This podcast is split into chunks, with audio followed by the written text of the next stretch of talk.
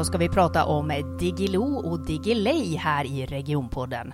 Men nej, jag har inte med mig Herace i studion.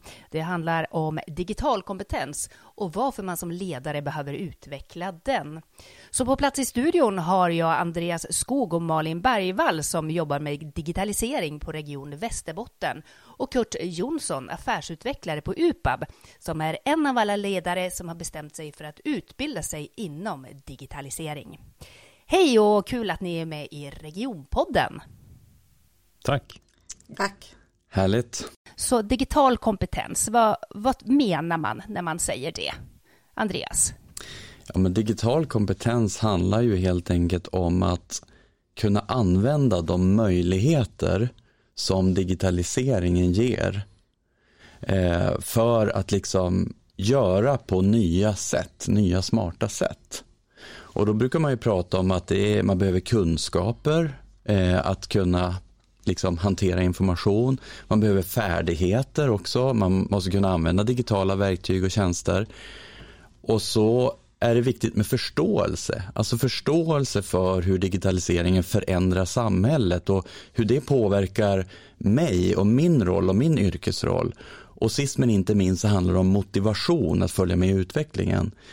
För digital kompetens är ingen statisk kompetens utan den förändras ju över tid. Och det är det som är lite lurigt med den, att det, det är hela tiden någonting nytt. Det är inte samma i år som det var för tre, fyra år sedan. Mm. Eh, vad tänker du eh, Malin, varför, varför är det viktigt att utveckla sin digitala kompetens? Ja men det i grunden om vi tänker varför vi genomför de här båda våra projekt då, som jag och Andreas jobbar med, det handlar ju någonstans om att, att stärka anställningsbarheten hos både chefer och administrativ personal att fortsätta vara relevant på sin arbetsplats på arbetsmarknaden i stort.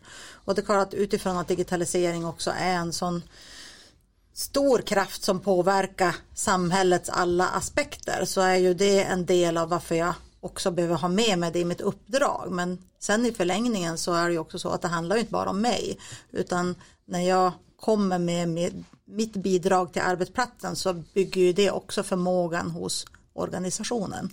Men jag tror att många lyssnare tänker att har vi inte ganska god digital kompetens redan? Ja, alltså jag tänker så här, både ja, både ja och nej och jag tror att när man pratar om det här begreppet som för många känns ganska abstrakt så kan det vara så att gemene man landar i att jag kan genomföra ett teamsmöte.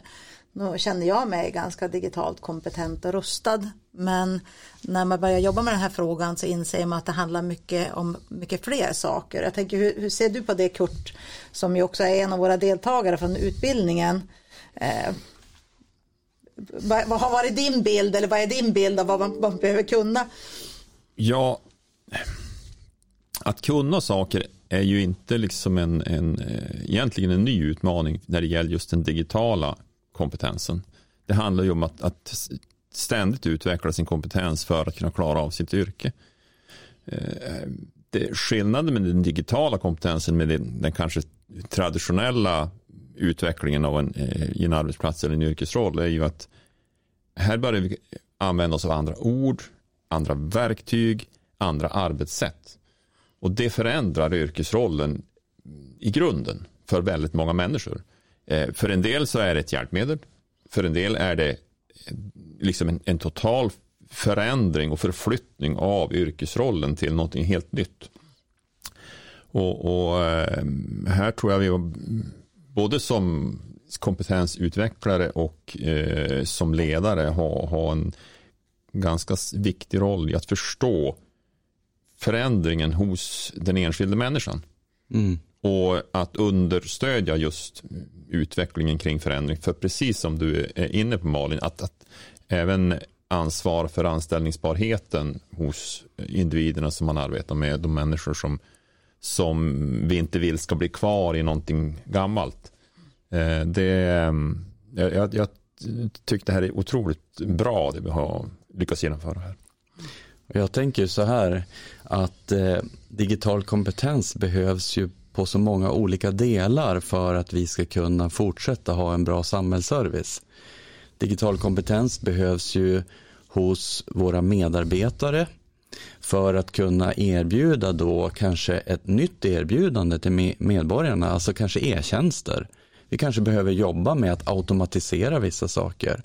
Och medborgarna i sin tur behöver också digital kompetens för att kunna ta del av digital vård och digitala tjänster från kommunerna. Och man behöver också den här liksom digitala vad ska jag säga, allmänbildningen för att också kunna känna att man är delaktig i det digitala samhället och att man inte blir lurad, man förstår vem det är som sänder en budskap till en. Så den digitala kompetensen har ju många olika sidor.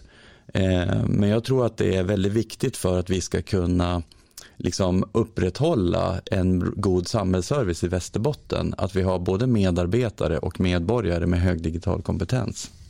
Ni jobbar ju med de här projekten då, Digilo och Digilay. Berätta om de här projekten. Ja, om vi då ska börja med det som jag leder, Digilay, det handlar ju om att bygga digital kompetens för chefer och ledare och där har vi då fokus i båda våra projekt med att jobba med chefer och ledare i Piteå, Skellefteå, Umeå och Örnsköldsviks kommun samt i region Västerbotten.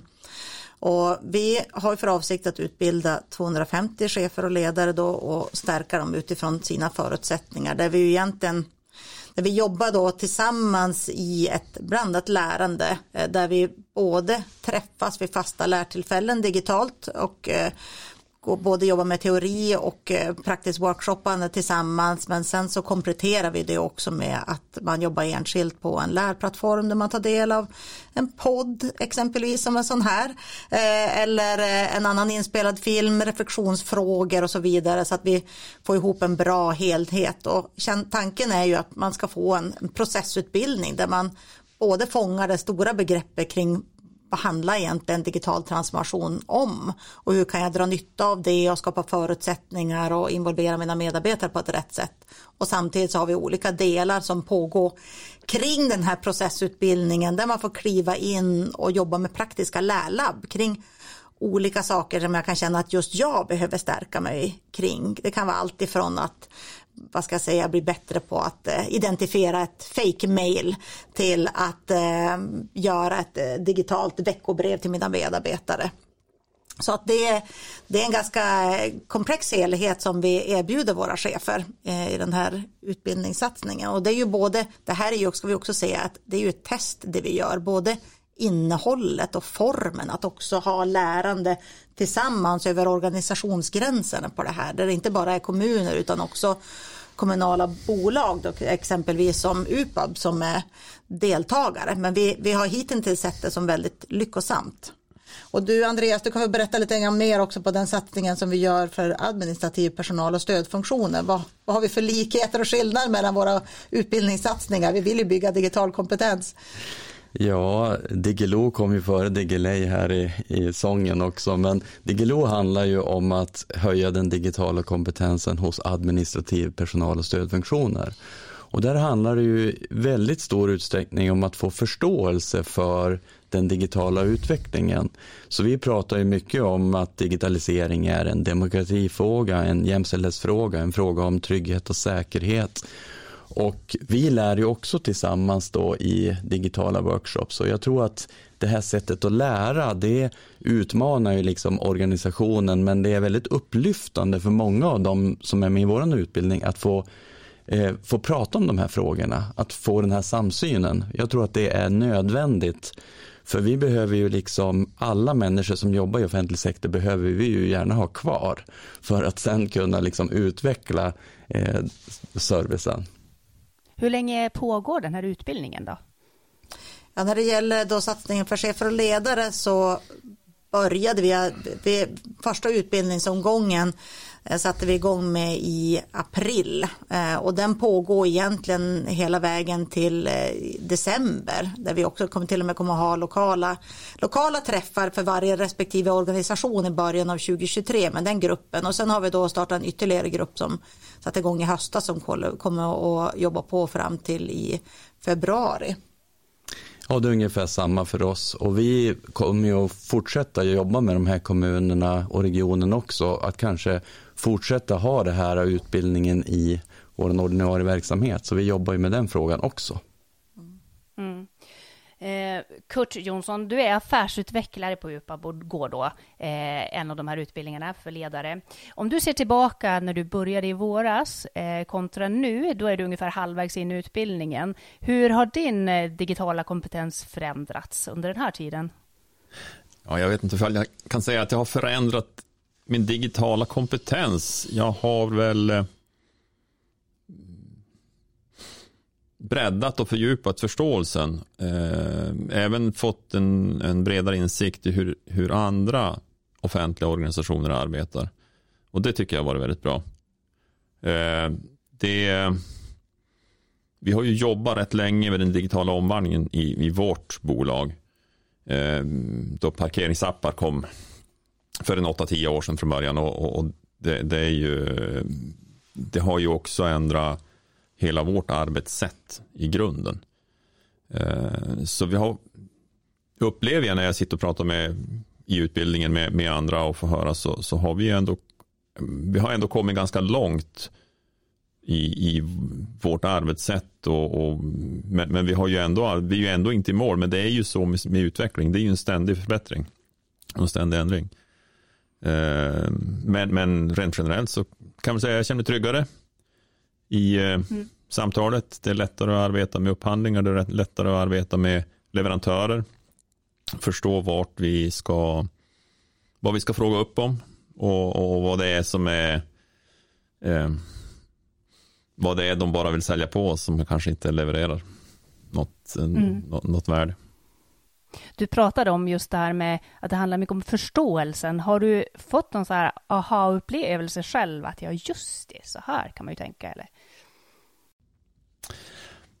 Ah, det vet jag inte om jag ska säga. Om jag ska vara helt ärlig så, så uh, jag, jag, jag, ser det som uh, ett bra sätt att sortera för mig. Att, att uh, lägga, lägga saker i rätt box. Att, att, att jag är tryggare i, Ehm, i min egen roll eh, som, som affärsutvecklare. Det, det, det är på det sättet som jag känner att jag, jag får ett, ett input ifrån den här utbildningen. Mm. Det är ju många ledare som har känt en utmanande situation när man under corona-influensan eh, så hade man ju inte sina medarbetare på plats. Och då, hur ska jag då så att säga jobba på ett sätt som ledare? Hur ska jag ha mina medarbetarsamtal? Hur upptäcker jag om någon inte mår bra? Eller hur leder jag och styr? Hur inspirerar jag så att säga? Och det är ju någonting av den utmaningen som vi också har velat adressera med den här utbildningen. att vi kommer ju aldrig kanske återigen att ha en arbetsplats där man alla sitter på kontoret och man kan mötas i korridoren. Utan jag behöver ha fler verktyg i verktygslådan som ledare. Är det någonting som du känner Kurt är viktigt att, att liksom utveckla som ledare? Att kunna leda på distans också?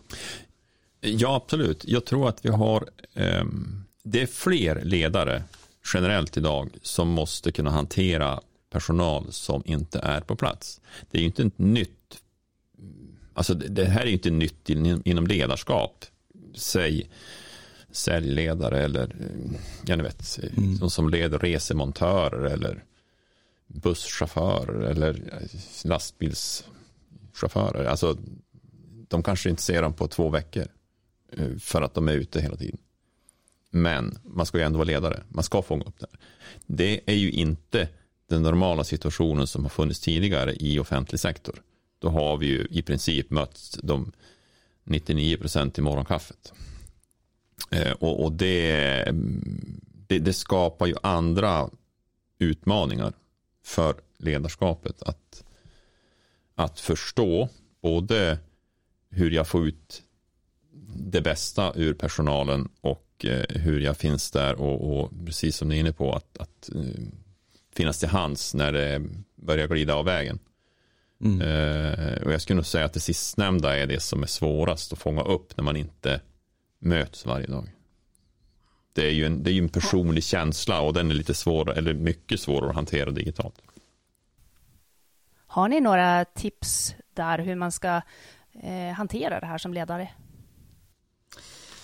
Jag kan säga så vi kanske inte har gått in så väldigt specifikt just i den situationen kring, kring eh, men vad ska jag säga, hur fångar man upp det? Men det är ju någonstans så, så um, det gäller ju någonstans att kunna hantera den palett av kommunikationsvägar som ändå finns digitalt.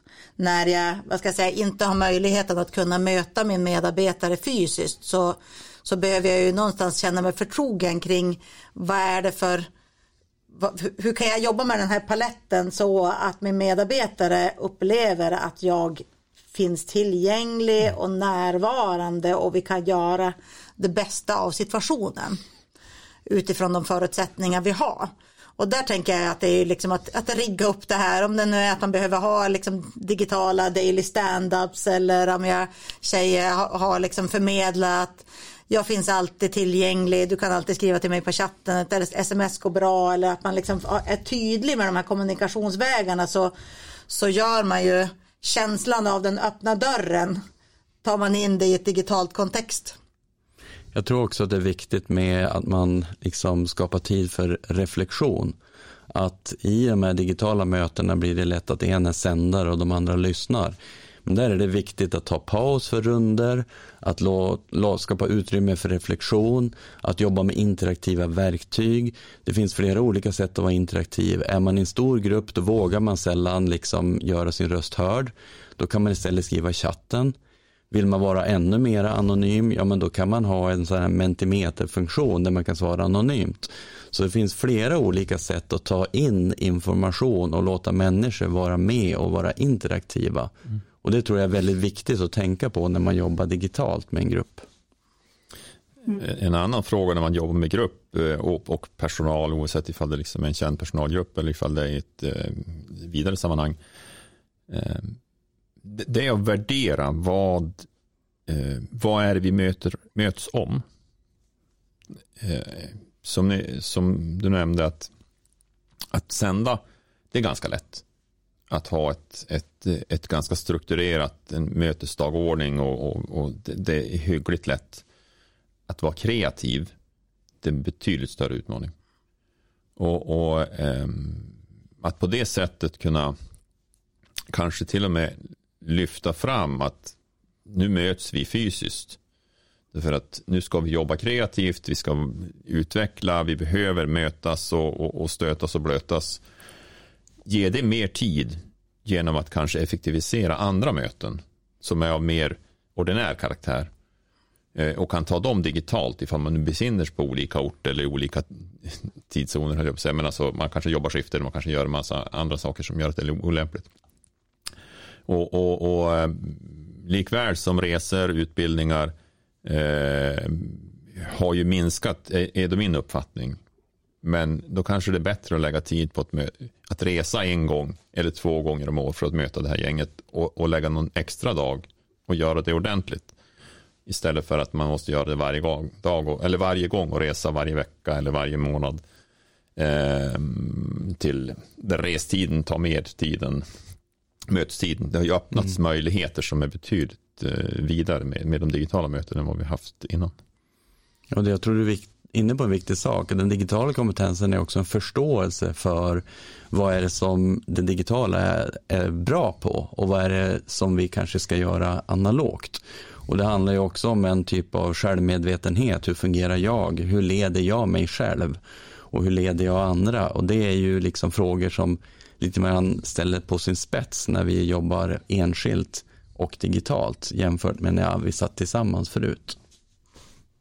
Och jag tror också mm. det som du adresserar Kurt, det här med, alltså vad ska jag säga, att, tillbaka till det här med reflektionen, att, att, att någonstans är det ju så att en, våra uppdrag på arbetsplatsen, de är ju de samma och de är ju viktiga att prata om. Vart är vi på väg och vad är det viktigt att vi uppnår tillsammans som grupp. Men vi är ju som någonstans i en mix mellan den digitala arbetsplatsen och den fysiska arbetsplatsen och att tiden för reflektion för att kunna göra de här aktiva valen blir ju viktig.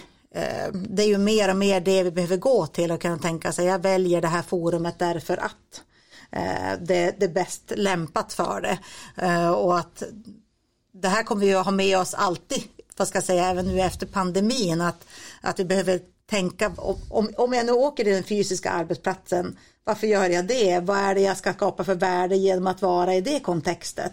Mm. Eh, och kanske också som, som du är inne på Kurt, att att man, man extra medvetet jobbar med att, att skapa utrymme i sin arbetsdag för de värdena när vi faktiskt kan mötas och, och göra annat som passar bättre när jag kan sitta på egen plats eller liksom lösa digitalt.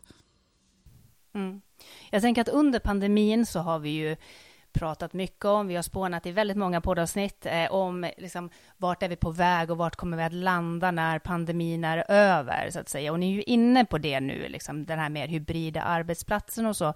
Men känner ni att nu efteråt, att det har liksom klarnat på något sätt vart det är vi faktiskt är på väg eh, med den här digitaliseringsresan?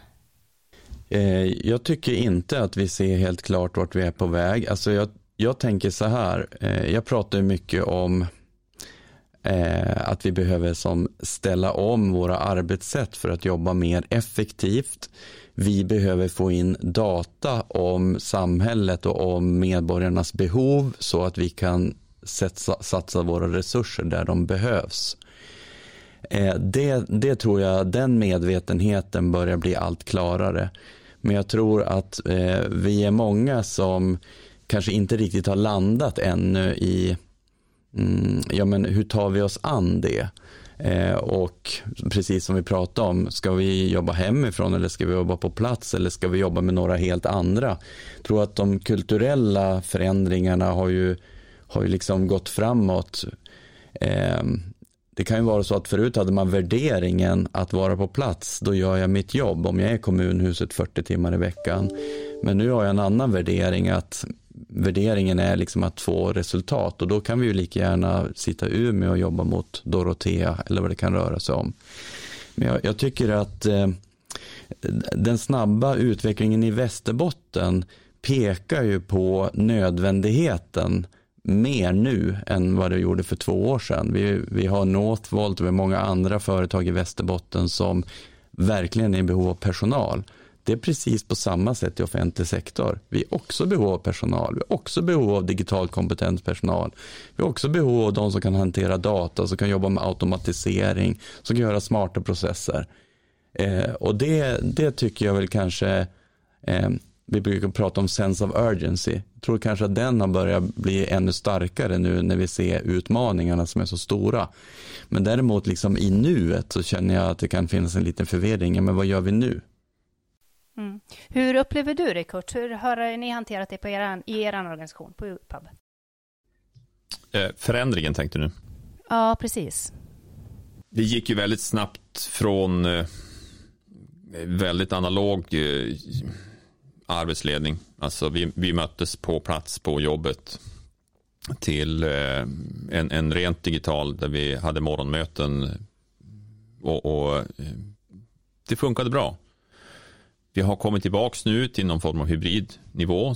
Jag tror att det är väldigt många som är i den eh, fasen, både privat och offentligt. Eh, att, att vi, man, man anpassar sig till vad, nästan vad individen tycker är bäst.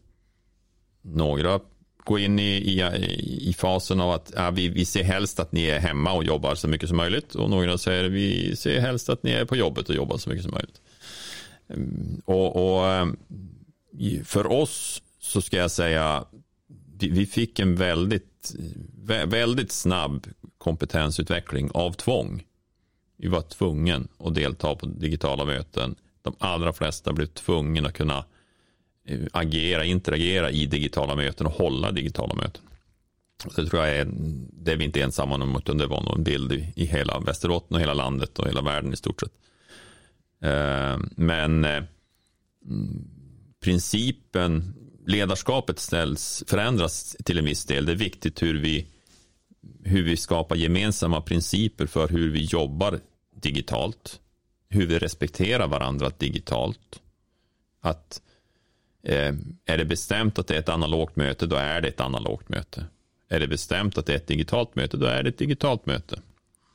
Eh, och det, det, är ju, det är ju på något sätt att visa respekt för varandra. Och den, den delen är ny.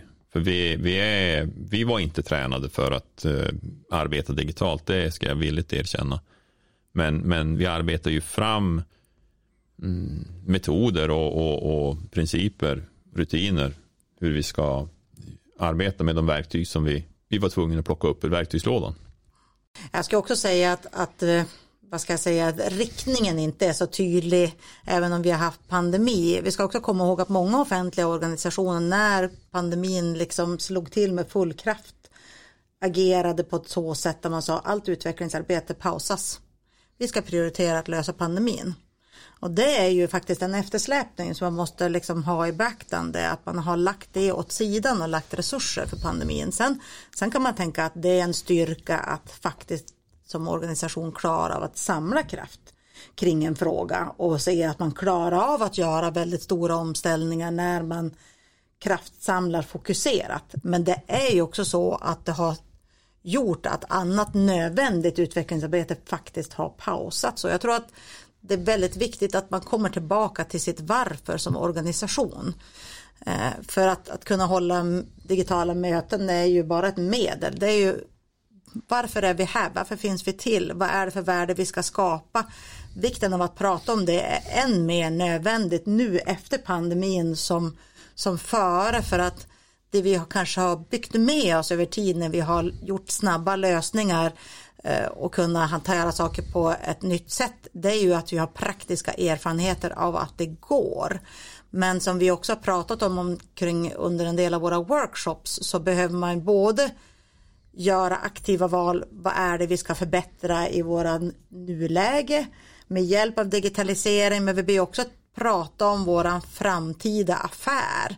Och den, att prata om affären som offentlig sektor, det kanske man inte tycker att man gör så mycket, men det handlar mer om hur, hur jobbar vi med våra, våra medel, våra skattemedel på ett smart sätt och skapa liksom den framtida välfärden. Och där kan man ju inte jobba ett till ett, att vi vi tar allt det vi gör idag och tar med oss det in i framtiden. Där måste vi göra, göra val. Och det vi hoppas med våra båda utbildningar det är ju att vi har chefer och administrativ personal som är med på tåget i den här förändringsresan. När vi börjar prata om att vi ska skapa framtiden tillsammans så säger man i högre grad vi vill vara med. Vi förstår också hur vi kan bidra och vi förstår också att det kanske finns saker som vi behöver stoppa i en dåtidslåda. Vi väljer bort det och säger så här vi förstår nu att det här inte kommer att skapa lika mycket värde i en framtid där invånare förväntar sig helt andra saker för oss. Kan du ge några exempel på eh, du pratar om just det här med, med liksom affärsutvecklingen och eh, framtida digitala lösningar. Kan du ge några exempel på vad det kan handla om? Ja, men jag tänker, Kurt, du, du jobbar ju med affärsutveckling. Det, det är ju din huvudprofession. Eh, hur, hur, hur, tänker ni på UPAB här då? Men vi har ju, det är ju väldigt välkänt eh, som, som fordonsägare idag, det är ju att vi parkerar med en parkeringsapp. Den, den, den är ganska eh, lätt att förstå förändringen som har skett. Från, om vi tar den riktigt analoga tiden, så då, då stoppar man ett mynt i en maskin, eh, alltså en, en, ett urverk som vi vred upp. Och så klock, gick en, en, klocka igång och, och tickade ner tills eh, det blev rött i mätaren och så, och så hade man inte betalat längre. Och så blev det elektroniska maskiner som skrev ut en biljett där vi stoppade in pengar och sedermera kort. Eh, och eh, nu är det parkeringsappar. Möjligheten när vi har parkeringsappar och som den resa som vi har gjort här är ju att vi kan ju bygga hela strukturen på ett annat sätt. Det första vi gjorde när vi fick parkeringsappen var ja, det vart ett komplement till betala med maskinen. Vi tänkte kan 15 procent av alla kunder betala i en app, då har vi, då har vi, liksom, då har vi nått vårt mål. Eh, nu är vi kring 90 procent. Och det, har liksom, det är åtta års utveckling. Och det, det gör ju att, att människor som är ute och, och, rör sig med, med bilar och ska parkera förväntar sig inte ens att det ska finnas en maskin. Man tittar inte efter den. Utan man förväntar sig att kunna betala digitalt. Och nu är nästa steg, nu förväntar man sig att kunna betala digitalt i bilen. Så vi tar inte ens fram telefonen, utan bilen känner av, nu har jag parkerat på en parkeringsplats, vill du betala? Ja, trycker man grönt och så är det igång. Och då kan vi istället för att vi har, har, har en, en, kanske en, en färdig, alltså en specifik plats som, som det var tidigare för, för Umeå kommun. Alla, alla skolor, alla förskolor och där vi tog betalt hade sin egen lilla zon. Nu bygger vi upp det så att, att vi har samma villkor på väldigt stora delar. Och så checkar man in liksom på, på en, en zon, zon två till exempel. Och så, och så spelar det ingen roll ifall man står på Maja Beskow eller ifall vi står på Hagaskolan. Eh, och eh, det är ju möjligheter som, som eh, är skapade genom det digitala systemet och det förenklar för oss som bolag men framförallt så förenklar det för medborgaren, för användaren. Och där tror jag vi har en, en, någonting som vi ska försöka hålla högt och det är just vad ska vi ha det här till? Mm. Skapa nytta för användaren, skapa effektiviseringar, mm. Tillgänglighet. Tillgänglighet, eh, bättre ekonomi, slösa inte medel på det vi inte behöver slösa medel på. Men vi ska inte göra det för att vi kan. Alltså vi ska inte göra det för teknikens skull. För det har vi, tycker jag en, eh, en väldigt onödig väg att gå. Det är att skapa förändring bara för att tekniken ger utrymme för förändringen. Utan förändringen ska allra helst vara driven av ett behov eller ett skapat behov eller alltså ett, ett behov som vi som är, finns efterfrågebaserat men, men det kan också vara så att det finns ett behov som är innovationsbaserat. Alltså vi ser en möjlighet här som inte är identifierad av medborgaren eller kunden. Men, men det här skulle kunna ge någonting som är väldigt bra. BankID som exempel vem skulle känna att vi klarar oss utan BankID idag? Ytterst få. Men det var ju ingen som såg behovet förrän det började finnas. Mm. Malin? Ja, men jag, jag tänker mig fortsätta med det här ganska konkreta exemplet som ni har som, som i era processer utifrån att ni jobbar just med parkeringsfrågor så tror jag att grunden är ju väldigt mycket att komma tillbaka till ja, men vad är det för någonting vi ska vi ska lösa och vi, på utbildningen brukar vi också pr prata om exempelvis bara begreppet kommun. Vad står det för för någonting? Att det är ju att komma tillsammans. Och, och väldigt mycket av den utveckling som sker nu det är ju att när vi utvecklar våran affärsmodell och hur vi tillämpar skattemedlen är ju att vi både kan dra nytta nytta av men också vi behöver kunna leverera möjligheten till att, att eh, invånaren är medskapande i värdeprocessen. Att vi gör väldigt många olika delar själv.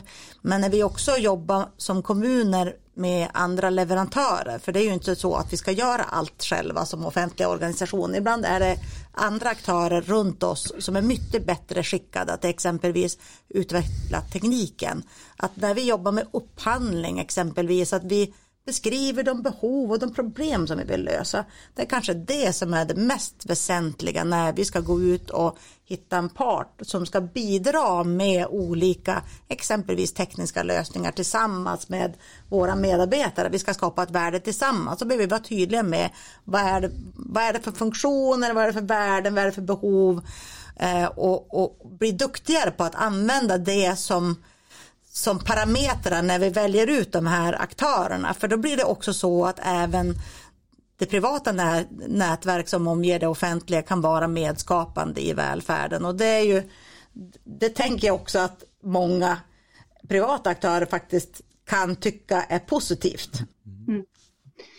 Hörrni, tiden går fort och jag tänker så här, nästa, nu är det bara när det här avsnittet släpps så är det bara två veckor kvar till eh, mötesplats mötesplatsen Digitala Västerbotten. Andreas, vad är det vi ska prata om där? Ja, Mötesplats Digitala Västerbotten, det är ju norra Sveriges största mötesplats för just digitalisering och verksamhetsutveckling och vi förväntar oss mer än 500 deltagare, ungefär 300-400 online och 150 på plats i Umeå. Vi kommer att prata om hur digitalisering kan bidra till att skapa ett levande samhälle. Eh, och det, när samhället i allt större grad blir digitaliserat så behöver vi också ha en säkerhetskultur. Så viktigt tema på den här mötesplatsen kommer att vara hur jobbar vi med informationssäkerhet.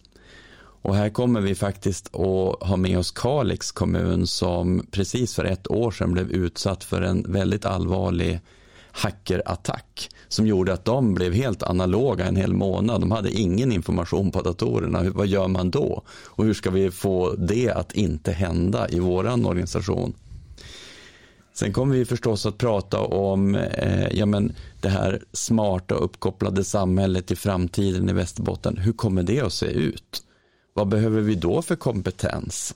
Eh, om vi ska kunna hantera artificiell intelligens och, och eh, många andra frågor. Så jag ser väldigt mycket fram emot mötesplatsen. Den 14 och 15 december är det alltså dags för Mötesplats Digitala Västerbotten. Höstens viktigaste mötesplats för frågor om verksamhetsutveckling och digitalisering. Och Regionpodden finns såklart på plats för att livepodda. Och stort tack för att ni kom hit idag, Malin, Andreas och Kurt. Tack själv. Tack. Själv heter jag Elin Leonberg. Vi hörs igen om två veckor.